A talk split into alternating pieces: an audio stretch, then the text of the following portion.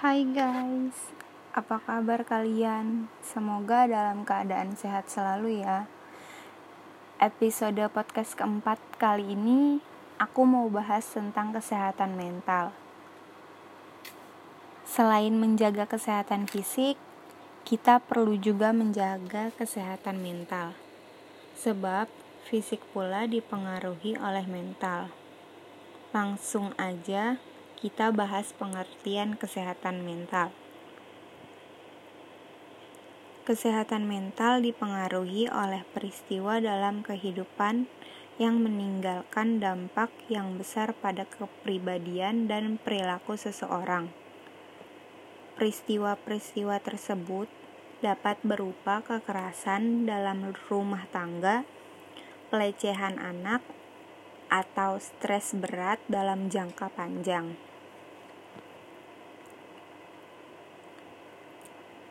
Jika kesehatan mental terganggu, maka timbul gangguan mental atau penyakit mental. Gangguan mental dapat mengubah cara seseorang dalam menangani stres berhubungan dengan orang lain, membuat pilihan, dan memicu hasrat untuk menyakiti diri sendiri.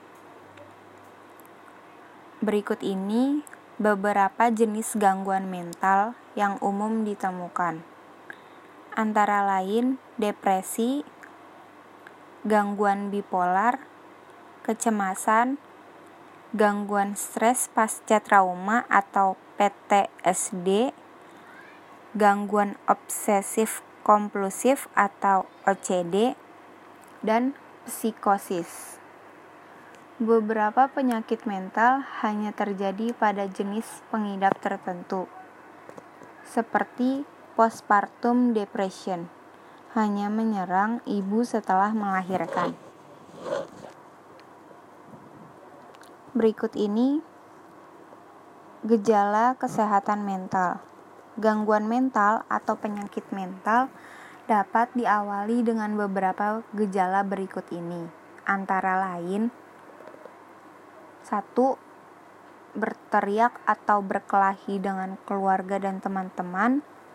Dua, delusi, paranoia, atau halusinasi. Ketiga, kehilangan kemampuan untuk berkonsentrasi. Keempat, ketakutan, kekhawatiran, atau perasaan bersalah yang selalu menghantui. Selanjutnya, ketidakmampuan untuk mengatasi stres atau masalah sehari-hari, marah berlebihan, dan rentan melakukan kekerasan. Memiliki pengalaman dan kenangan buruk yang tidak dapat dilupakan. menarik diri dari orang-orang dan kegiatan sehari-hari. Mendengar suara atau mempercayai sesuatu yang tidak benar. Mengalami nyeri yang tidak dapat dijelaskan. Mengalami perubahan suasana hati yang menyebabkan masalah dalam hubungan dengan orang lain. Merasa bingung, pelupa, marah, tersinggung, cemas, kesal, khawatir, dan takut yang tidak biasa. Merasa sedih tidak berarti tidak berdaya, putus asa, atau tanpa harapan. Selanjutnya, tidak dapat melakukan aktivitas sehari-hari, seperti merawat anak atau pergi ke sekolah atau tempat kerja. Terakhir, tidak mampu memahami situasi dan orang-orang. Penyebab kesehatan mental. Beberapa penyebab umum dari gangguan mental antara lain satu cedera kepala, dua faktor genetik atau terdapat riwayat pengidap gangguan mental, kekerasan dalam rumah tangga, kekerasan pada anak, memiliki kelainan otak, mengalami diskriminasi, mengalami kehilangan atau kematian seseorang yang sangat dekat.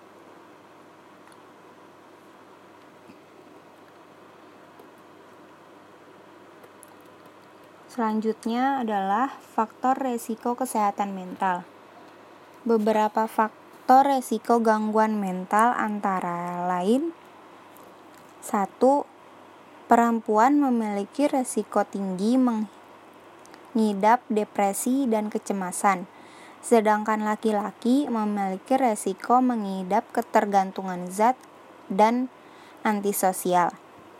Kedua, perempuan setelah melahirkan. Ketiga, memiliki masalah di masa kanak-kanak atau masalah gaya hidup. Keempat, memiliki profesi yang memicu stres seperti dokter dan pengusaha. Kelima, memiliki riwayat anggota keluarga atau anggota keluarga dan keluarga dengan penyakit mental. Keenam, memiliki riwayat kelahiran dengan kelainan pada otak. Ketujuh, memiliki riwayat penyakit mental sebelumnya. Kedelapan, mengalami gagal, kegagalan dalam, dalam hidup, seperti sekolah atau kehidupan kerja. Selanjutnya, menyalahgunakan alkohol atau obat-obatan terlarang.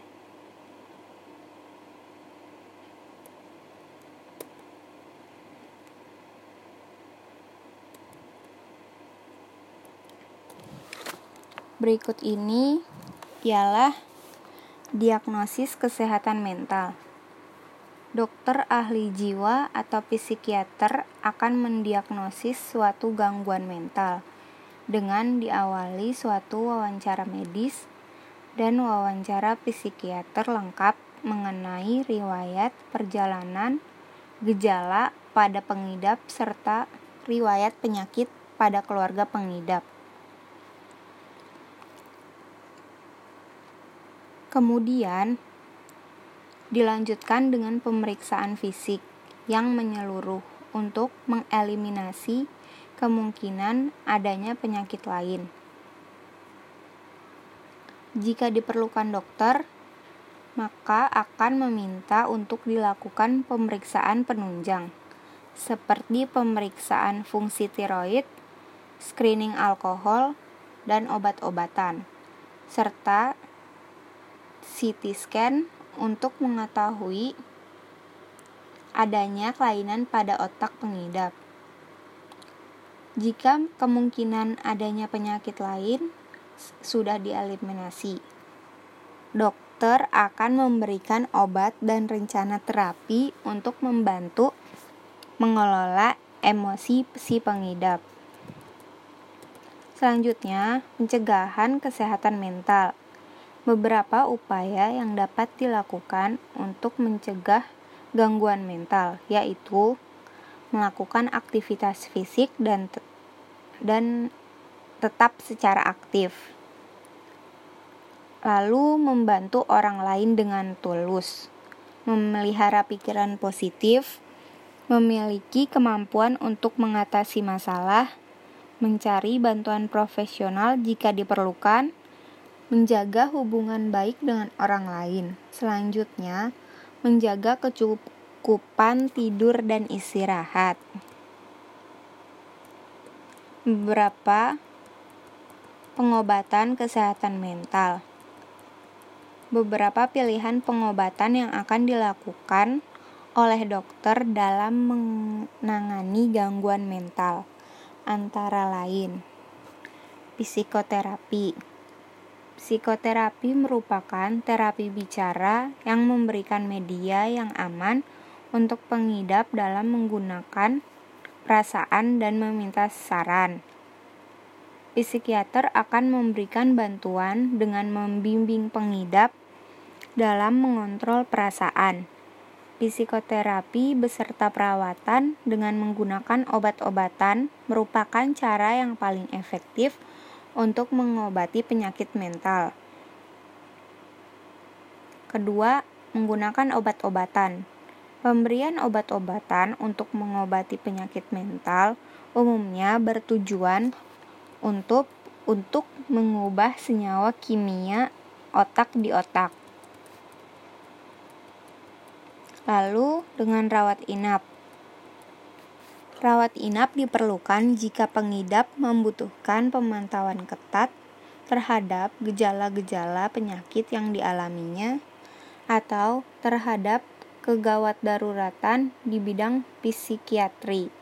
Misalnya, percobaan bunuh diri. Lalu, support group. Support group merupakan beranggotakan pengidap penyakit mental yang sejenis atau yang sudah dapat mengendalikan emosinya dengan baik.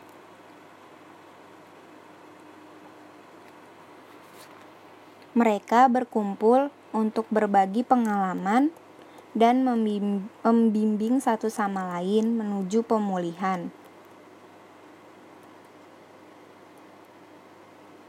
Selanjutnya, stimulasi otak.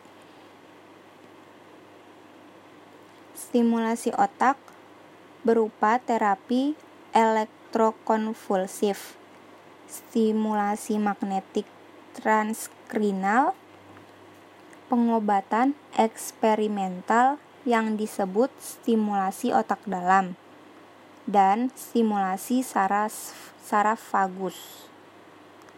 Selanjutnya, pengobatan terhadap penyalahgunaan zat. Pengobatan ini dilakukan pada pengidap penyakit mental yang disebabkan oleh ketergantungan akibat penyalahgunaan zat terlarang. Terakhir, membuat rencana bagi diri sendiri, misalnya mengatur gaya hidup dan kebiasaan sehari-hari untuk melawan penyakit mental.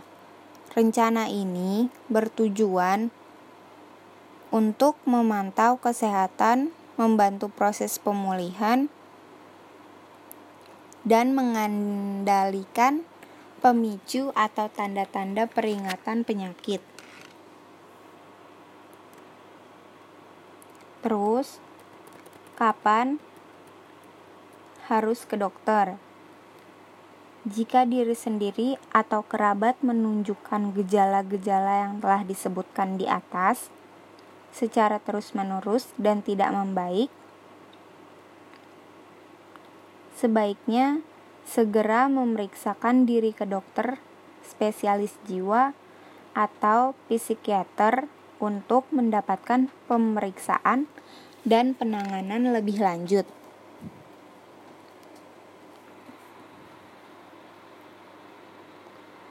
Untuk melakukan pemeriksaan, kamu bisa langsung membuat janji dengan dokter di rumah sakit pilihan kamu di sini.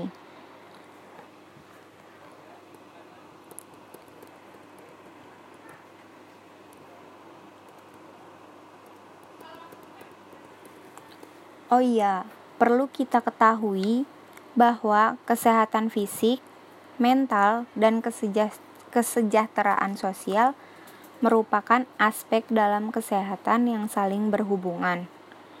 Kondisi fisik dan kualitas kesejahteraan sosial mampu mempengaruhi kondisi mental seseorang.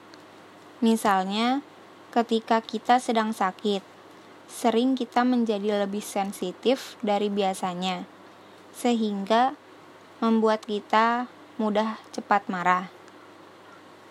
Hal ini bisa berdampak pada hubungan kita dengan orang lain menjadi kurang baik, atau ketika kesejahteraan sosial tidak terpenuhi dalam hidup kita.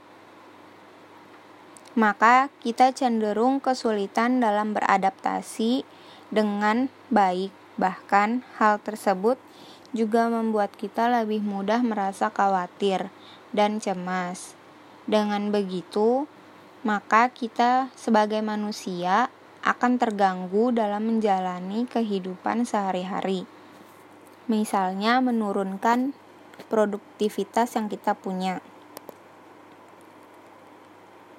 Hal itu semata-mata karena dampak dari menurunnya suatu aspek kesehatan juga mempengaruhi aspek-aspek kesehatan lainnya yang ada dalam tubuh kita. Oke, sekian podcast episode keempat aku. Sampai ketemu di episode podcast aku berikutnya ya. See you next time. Bye.